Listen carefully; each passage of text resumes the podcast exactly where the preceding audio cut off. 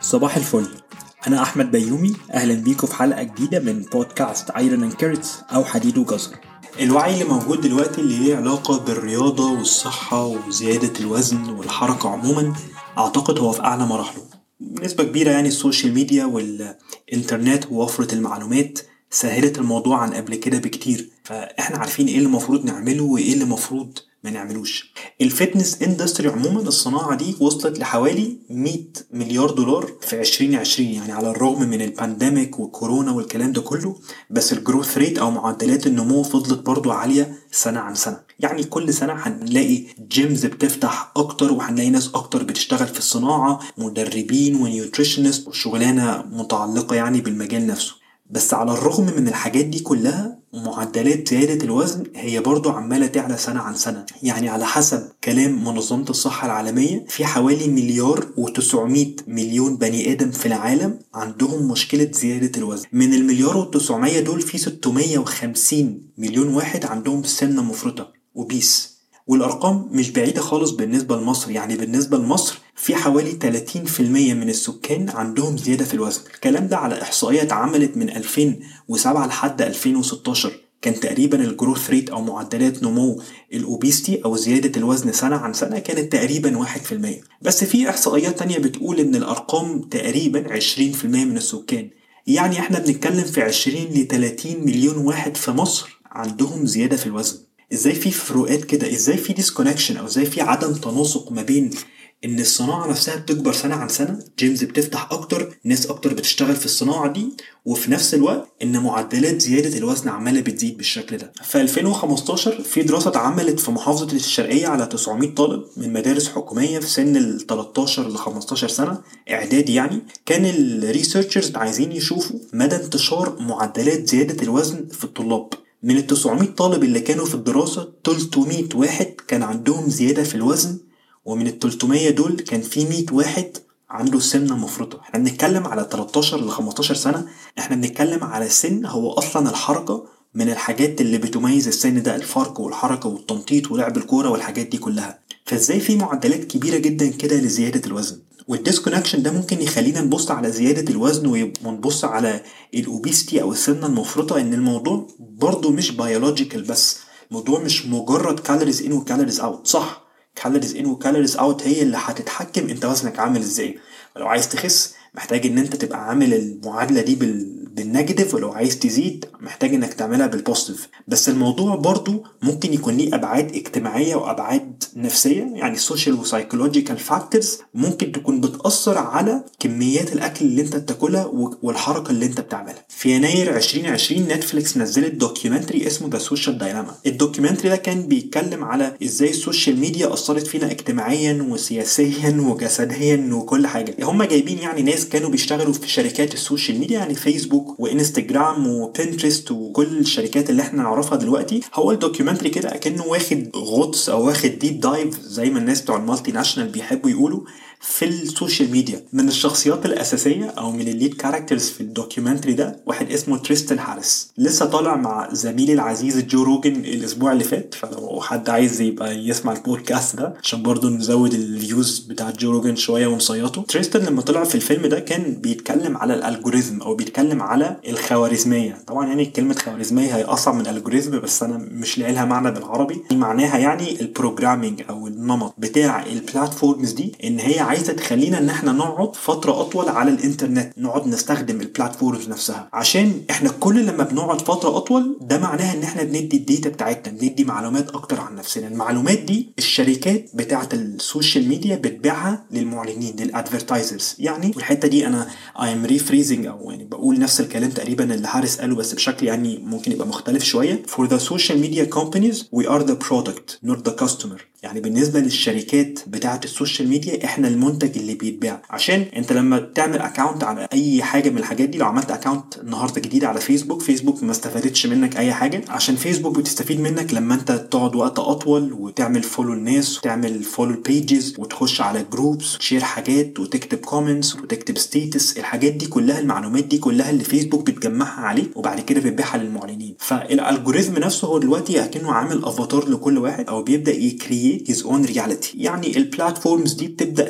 تبني لنا ال reality بتاعنا. بتبدأ تدينا الواقع الجديد. فال platforms دي عايزة إن أنت تقعد فترة أطول عليها فعشان كده هي بتديك أكتر من الحاجات اللي أنت بتعمل لها follow يعني على سبيل المثال لو بتسمع البودكاست دي فالاحتمالية الأكبر إن أنت عامل follow ال accounts على انستجرام وعلى فيسبوك أو على أي social media platform أنت بتستخدمه متعلق بالرياضة أو متعلق بال health وال nutrition وال wellness والحاجات دي كلها. فالاحتمالية الأكبر إن أنت عشان عامل follow للناس دول إن أنت ال feed بتاعك كله أو العالم اللي أنت عايش فيه كله هتلاقي فيه صور للناس دول هتلاقي جزء من حياة الناس دول. لما تدوس على زرار ال search أو ال explore هتلاقي ناس قريبين من الناس اللي أنت عامل لهم follow فأنت كده عندك your own reality عندك الواقع بتاعك عندك العالم الموازي. في العالم اللي أنت عايش فيه ده مش بتشوف إن 25% من الناس عندهم زيادة في الوزن. اللي أنت بتشوفه إن كل الناس جسمها حلو جدا وبتلعب رياضة وبتاكل أكل صحي وحياتها very positive أو حياتها إيجابية بشكل كبير وإن هم مبسوطين جدا وإن هم عندهم قوة إرادة وإن هم ناجحين في حياتهم والناس اللي حواليهم بتحبهم وشوية أفراح بقى وأعياد ميلاد. يعني أنت عايش كده في كوكب كده لوحدك مش داري بالناس اللي حواليك. الكلام ده ليك وليا وكل واحد فينا عنده الكوكب بتاعه أو عنده العالم بتاعه اللي هو عايش فيه. قبل ما أقول لكم على ال negative implication أو على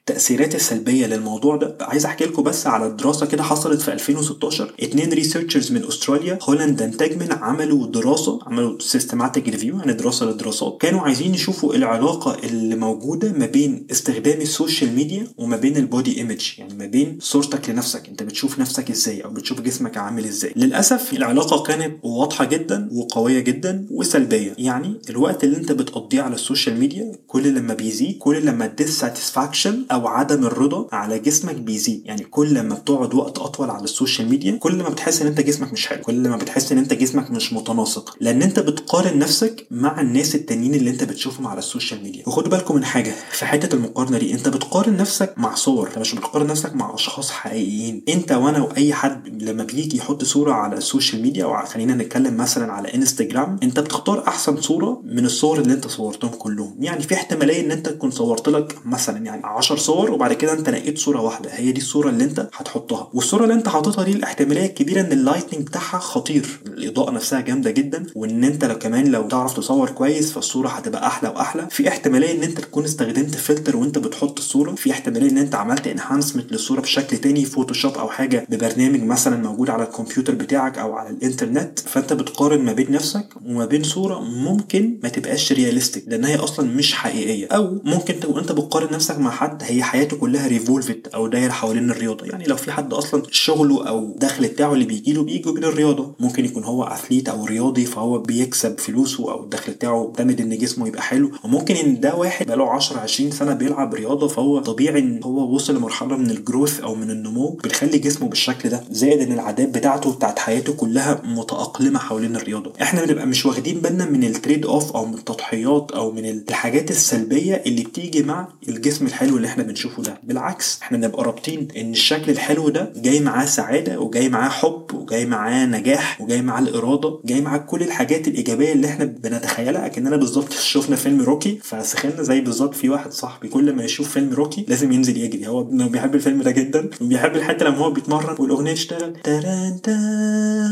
ترانتا وأعتقد الخطورة بتاعة ال social media platforms بتزيد من platform للتاني. في 2017 researcher تانية اسمها جازمين فردولي عملت دراسة قريبة من اللي تيجمان وهولاند عملوها بس المرة دي هي كانت بتبص على ال body image مع انستجرام بس. 270 بنت تقريبا كانوا في الدراسة دي. اتسألوا أسئلة كتيرة جدا فهي عبارة عن يعني زي questionnaire معقد شوية اتعمل. الأسئلة ليها علاقة بتمسكي تليفونك كام مرة في اليوم عشان تبصي على انستجرام بتقعدي وقت قد إيه على انستجرام في خلال اليوم؟ بتشوفي صور قد إيه ليها علاقة أو posts ليها علاقة بال health and nutrition الحاجات اللي هي الحماسية حد بيتمرن أو حد بيدي نصيحة أو حد بياكل أكل صحي. ومدى المقارنات اللي أنت بتعمليها ما بين نفسك وما بين الناس اللي أنت بتشوفيهم على انستجرام زي ما أنتم متوقعين العلاقة برضو للأسف كانت قوية جدا وعلاقة سلبية. ثلاث حاجات دكتور فردولي لقيتها في البحث بتاعها. الحاجة الأولى لقت إن في ترابط إيجابي في positive correlation ما بين استخدام انستجرام وما بين ال objectification objectification معناها إن الشخص بيبدأ يتخيل إن جسمه زي ال object زي التليفون أو زي الكمبيوتر أو زي العربية الناس بتبص عليه فأنا لازم أخلي شكله يبقى حلو عشان يبقى متناسق أو مناسب للمعايير بتاعة ال community أو ال society للمعايير المجتمع اللي أنا عايش فيه. الحاجة الثانية اللي هي لقيتها إن كتر الفرجة على ال fitspiration images fitspiration اللي هو ال fitness و inspiration في نفس الوقت الصور اللي هي ليها علاقة إن أنا بتمرن أو باكل كويس أو بدي نصايح إن كتر الفرجة على الحاجات دي بيسبب body dissatisfaction أو low body image إن أنت تبدأ تحس إن أنت جسمك مش مناسب أو مش متناسق مع ال benchmark أو مع المقياس اللي موجود دلوقتي في ال community نفسه أو في المجتمع نفسه. والحاجة الأخيرة لقيت إن بيحصل frequent comparison إن الشخص اللي بيقعد على انستجرام بيعمل مقارنات كتيرة جدا ما بين جسمه وما بين جسم الناس اللي هو بيبص عليهم. أعتقد الثلاث نقط دول إلى حد ما كلهم مرتبطين ببعض وكلهم بيسببوا بعض يعني بشكل ما أو بآخر يعني. فالكلام إلى حد ما منطقي وهو شوية بيأكد اللي تيجمان وهولاند وصلوا له من البحث بتاعهم في 2016 يعني ال social media عموما ممكن يبقى ليها نتيجة سلبية على ال body image لأن أنت بتبدأ تقارن نفسك مع ناس هي ممكن أصلا المقارنة دي ما تبقاش منطقية unrealistic وممكن يكون كمان المقياس أو ال benchmark اللي أنت حاطه لنفسك اللي أنت عايز توصل له يبقى برضه unrealistic عشان ال trade off أو التضحيات أو الوقت أو المجهود اللي أنت هتعمله عشان توصل له الحاجة دي ممكن يبقى كبير جدا وأنت أصلا حياتك ما ينفعش فيها إن أنت تقدم التضحيات دي كلها. أو في نفس الوقت أنت حاطط benchmark أصلا مش حقيقي. لقيت بالظبط اللي حصل لي وأنا في الجامعة؟ بدايات ال body building بتاعتي لما أنا ابتديت أروح الجيم وابتديت diet وأقرأ أكتر على الأكل وال nutrition والحاجات دي كلها وأنا بحب السينما جدا جدا يعني. فكان في فيلم ساعتها 300 لسه نازل اللي هم 300 Spartans اللي هم 300 واحد اللي راحوا وقفوا في الحتة اللي مش عارف الضيقة ما بين الجبل والجيش تاني بقى اللي هو كله هيجم عليهم هم 300 شبح بقى ومفيش حد يقدر يعمل لهم حاجة. المهم جيرارد باتلر أنا فاهم أنا كنت بحبه جدا بس اللي صدمني لما أنا بعد كده اتفرجت على ال making بتاع الفيلم أو behind the scenes لقيت إن جيري بيعمل حركة للأسف شمال جدا إن هو قبل ما بيخش على ال scene أو قبل ما يخش ويصور إن هو بيلعب له مجموعة ضغط كده وبيعملوا حاجة كده زي العقله أو بيتمرنوا يعني عشان عضلاته تبقى pumped فلما بيخش ال scene نفسه لما بيتصور بيبقى شكله إن هو جسمه أحسن. هو هو علا لي ال expectations بتاعي وبعد كده كمان عرفت later on إن جزء كبير جدا من الناس اللي كانوا في الفيلم إن هم كانوا Photoshop كانوا enhance الصور نفسها أو الفيلم نفسه ما كانش حقيقي. هو بس اداني expectations أو اداني benchmark أنا عايز أوصل له وهو أصلا ال benchmark ده في الحقيقة مش موجود. أنا مش قصدي إن أنت ما تقدرش إنك توصل للكلام ده. هو أي حد يقدر يوصل ل low body fat percentage يعني ممكن أي حد يوصل لنسبة دهون قليلة وعضلات بطنه تبقى باينة وجسمه يبقى مقسم ولد أو بنت أي حد ممكن يعمل الكلام ده. بس عشان كلمة حلو دلوقتي بقيت خلاص بقت بقى benchmark جديد هو أصلا ما كانش موجود قبل كده. الحاجات المقاييس اللي ال social ميديا حطتها بالنسبة لنا بالذات إن الناس اللي إحنا بنشوفهم يعني الناس دول كانوا معانا في المدرسة أو في الجامعة أو بيشتغلوا معانا أو جيراننا فهو الموضوع بالنسبة لنا relatable أكتر أو موضوع إحنا نقدر نحس إن هو قريب مننا أكتر. فعشان كده ممكن يكون التأثير السلبي بتاعه بيكون أعلى من زمان لما كان الناس اللي هم جسمهم حلو وشكلهم حلو اللي بنشوفهم هم مغنيين وممثلين. فأنا مش هقعد أقارن نفسي مع جيمس بوند زمان. فأنا دلوقتي لما أشوف جاري وصاحبي اللي معايا في الجامعة واللي معايا في الشغل وكل الناس اللي حواليا اللي أنا عارف relate ليهم وبخرج معاهم وهم قريبين مني وهم عاملين زيي وهم في حتة مختلفة عن الحتة اللي أنا فيها هو ده ممكن اللي يسبب ال dissatisfaction أو يسبب الإحباط أو إحساس إن أنا مش هقدر أوصل لده. من الحاجات اللي تيجمان وهولاند بصوا عليها مش مجرد بس علاقة ال social media بال body image وال dissatisfaction هم بصوا كمان على علاقة ال social media بالاضطرابات في الأكل أو ال eating disorder وزي ما هم لقوا إن كان في علاقة واضحة وقوية ما بين لما حد يقعد على ال social media فترة طويلة إن هو ساعتها بيبدأ يحصل له حالة من عدم الرضا.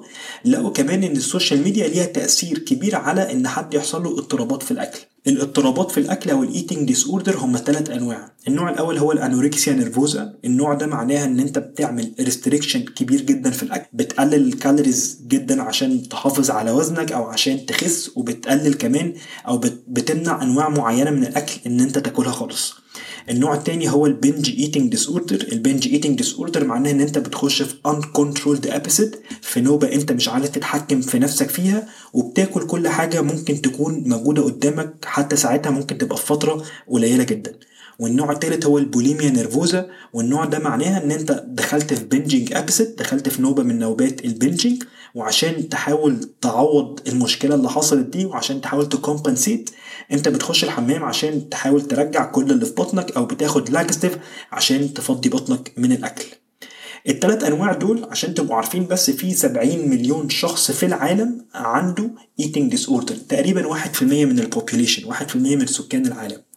لو إحنا خدنا نفس النسبة دي على مصر ده المفروض كلام مش منطقي لأن النسب دي هتختلف من دولة لدولة ومن مكان لمكان. بس لو افترضنا إن نفس النسبة دي موجودة في مصر واحد في المية من السكان عندهم الاضطرابات في الأكل معناها إن في تقريبا مليون شخص في مصر عنده المشكلة دي. وده مش رقم قليل على سبيل الافتراض. بس برضه خدوا بالكم من حاجة ما ينفعش حد يشخص نفسه ويقول إن هو عنده eating disorder لو حاجة زي كده حصلت لازم تحصل من حد بيشتغل في المجال الطبي يعني دكتور أو متخصص فبلاش يعني تجويد وبلاش تهويل زي ما كنا اتكلمنا في الحلقة اللي فاتت على موضوع الوجع وال pain والكلام ده كله بلاش catastrophization للحاجات اللي ممكن تحصل. بس اللي إحنا ممكن نعرفه في النقطة دي عادة الاضطرابات في الأكل أو ال eating disorder بتحصل من ثلاث حاجات. الحاجة الأولى ممكن يكون عن طريق أو بيكون بسبب ال stress الضغوطات أو المشاكل اللي بتقابلك ساعتها ممكن يكون الأكل coping mechanism أو ممكن من الأدوات اللي انت بتستخدمها عشان عايز تبسط نفسك.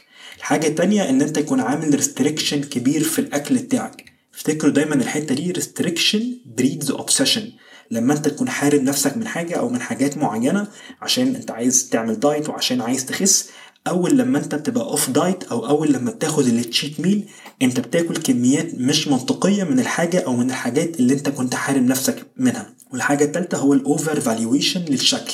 over valuation للشكل بتبقى حاسس إن جسمك هي الحاجة المميزة فيك وهي الحاجة اللي الناس بتعرفك بيها فأنت بتبقى مش عايز تخسرها فعشان كده انت ممكن تكون بتتراوح ما بين فترات انت anorexic فيها أو بتبقى حارم نفسك من الاكل وحارم نفسك من انواع معينة عشان مش عايز وزنك يتغير ومش عايز شكل جسمك يتغير. والحاجة التانية ان انت ممكن تبقى رايح ناحية ال bulimia nervosa معناها ان انت بترجع أو بتحاول ان انت تفضي بطنك من الاكل عشان برضو عايز تحافظ على الميزة اللي عندك. إيه الحاجات اللي إحنا نقدر نعملها عشان نحاول نتحكم في الاضطرابات اللي في الاكل؟ وإيه الحاجات اللي إحنا نقدر نعملها عشان نتحكم في الحاجات السلبية اللي ممكن بتجيلنا من السوشيال ميديا. استنوني وهرجع لكم على طول.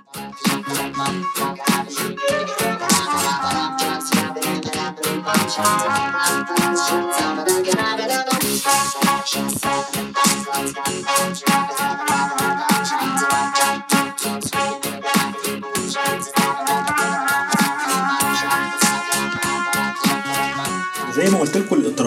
الاكل هي مش حاجة إحنا المفروض نشخص نفسنا بيها لازم حد من المجال الطبي هو اللي يعمل حاجة زي دي. بس الحاجة اللي إحنا نقدر نعملها إن إحنا في شوية حلول صغيرة وفي شوية أفكار إحنا ممكن نعملها عشان نحافظ إن ال pattern أو النمط بتاع الأكل بتاعنا يكون إلى حد ما نمط طبيعي أو pattern طبيعي.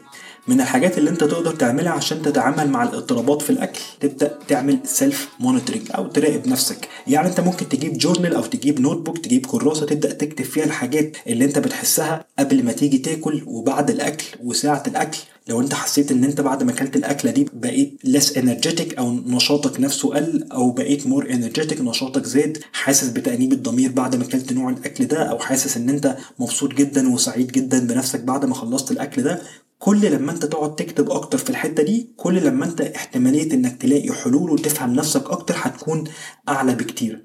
الحاجة التانية هي ممكن تبقى حاجة يعني شكلها بسيط جدا بس هي فعلا ليها تأثير كبير إن أنت محتاج تبدأ تشوف وسيلة تانية تتعامل بيها مع المشاكل اللي بتقابلك في حياتك بس ما تكونش الأكل. عشان أنت لو بتستخدم الأكل ك first line of defense أو خط الدفاع الأول عندك أنت بعد ما بتخلص الوجبة اللي أنت كلتها عشان تبسط بيها نفسك في احتمالية إن أنت كده بقى عندك حاجتين مضايقينك بدل ما كانوا حاجة واحدة. فالمشكلة الأساسية لسه موجودة. والحاجة التانية إن أنت دلوقتي ندمان أو حاسس إن أنت you failed yourself إن أنت خذلت نفسك وطلعت off ال diet بتاعك. الحاجة اللي أنت محتاج تعملها كمان إن أنت تبدأ ت re-evaluate your self worth محتاج تعيد تقييم الحاجات المميزة فيك. عشان شكلك لو هو أهم حاجة أو أكتر حاجة أنت شايفها مميزة ده كده معناه إن في احتمالية كبيرة جدا إن أنت تتعرض لإضطرابات في الأكل. والحقيقة إن في نسبة قليلة خالص إن الشكل بتاعك ده هو من أقل الحاجات المميزة فيك والحاجات المميزة فيك أكتر من كده بكتير زي العلاقات بتاعتك واهتمامك بالناس اللي حواليك وال education أو التعليم بتاعك أو ال career بتاعك أو ذكائك الحاجات اللي هي الناس فعلا بتقدرها فيك. لكن الشكل والجسم والحاجات اللي إحنا بنبقى حاسين إن هي أهم حاجة في العالم الموازي اللي إحنا عايشين فيه في ال social media هي بنسبة كبيرة حاجات مش حقيقية. الحاجة اللي بعد كده الجول بتاع ال aesthetics أو الجول بتاع ال physique أو الشكل لو انت بالذات مش بتلعب لعبة ال bodybuilding أو ال physique كلعبة professional أو اللي بتلعب لعبة احترافية. من الأحسن إن أنت دايما يكون عندك حاجة تانية أنت عايز تعملها جنب الحاجات دي أو حتى تلغي أصلا ال aesthetic goals بتاعتك لفترة ما. يعني انت لو عندك performance related goal عندك هدف في رياضي ليه علاقة بالقوة لو بنت مثلا نفسها تعرف تعمل push ups أو تعمل pull ups تشيل أوزان معينة في تمارين معينة دي من الحاجات اللي ممكن تدي flavor مختلف أو ممكن تدي نكهة مختلفة للتمرين وهي هتبقى أحلى بكتير من النكهة أو من ال flavor بتاع الشكل والجسم والحاجات دي كلها. وممكن نفس الكلام بالنسبة للولاد إن الموضوع يكون related لل performance والأداء ممكن يكون ليه علاقة ب skill أو مهارة معينة بيتعلموها أوزان معينة بيشيلوها إن هم يتعلموا حاجة جديدة أو إن هم يبدأوا يدخلوا حاجة مختلفة في التمرين بتاعهم ساعتها الموضوع ممكن يكون أمتع بكتير في التمرين والشغف أو ال passion للتمرين هيكون أعلى من قبل كده بكتير. حاجة مهمة جدا مش عايزكم تنسوها إن ال social media ممكن يبقى ليها دور سلبي كبير جدا في حياتكم وممكن يبقى ليها دور إيجابي كبير جدا في حياتكم. وإنتوا اللي تقدروا تتحكموا في الحتة السلبية أو الإيجابية عشان تقللوا من ال negative impact أو من التأثير السلبي بتاع ال social media إن إنتوا تعملوا unfollow لأي account هو بيحط حاجات هي بالنسبة لكم بتبقى triggering هي بالنسبة لكم بتبقى بتحفز مشاعر سلبية. نوع ال posts أو ال videos أو الصور اللي هو بيحطها في الآخر ممكن يدخلكم في ال low body image أو ال dissatisfaction أو الحاجات اللي إحنا اتكلمنا عليها من أول الحلقة بتاعتنا. الحاجة اللي بعد كده إن أنتوا على الأقل لو مش عارفين إن أنتوا اعملوا unfollow عشان يعني محرجين من الشخص نفسه ممكن على الأقل تعملوا mute المهم إن أنتوا تتحكموا إن المصدر السلبي اللي بيطلع من ال platform اللي أنتوا بتستخدموه ده إن هو ما يبقاش موجود. الحاجة الأخيرة اللي أنتوا ممكن تعملوها إن أنتوا تتحكموا في كمية الوقت اللي أنتوا بتقضوها على ال social media. ما تنسوش كمان إن الدراستين اللي إحنا اتكلمنا عليهم النهارده كانوا بيبصوا على الوقت اللي الناس بتقضيه على ال social media مع ال negative impact أو مع التبعيات السلبية. فده معناها إن أنت لو قللت من الوقت الاحتمالية الأكبر إن أنت كده قللت كمان من ال negative impact أو من التبعيات دي. المهم إن أنتوا تقدروا تتحكموا في الوقت اللي أنتوا بتقعدوه على ال social media وتتحكموا في ال في ال posts اللي أنتوا بتشوفوها من ال accounts اللي أنتوا عاملين لها follow كل المصادر اللي أنا استخدمتها في الحلقة بتاعت النهارده هسيبها لكم تحت في ال show notes عشان لو حد عايز يقرأ أكتر في حاجة من الحاجات اللي إحنا اتكلمنا عليها هسيب لكم كمان ال link بتاع ال Q and A عشان لو في حد عايز يسيب أي سؤال عشان نرد عليه في حلقة من الحلقات اللي جاية. ما تنسوش لو في حد تعرفوه هيستفيد من الحلقة اللي أنتوا سمعتوها دي يا ريت تشاركوها معاه.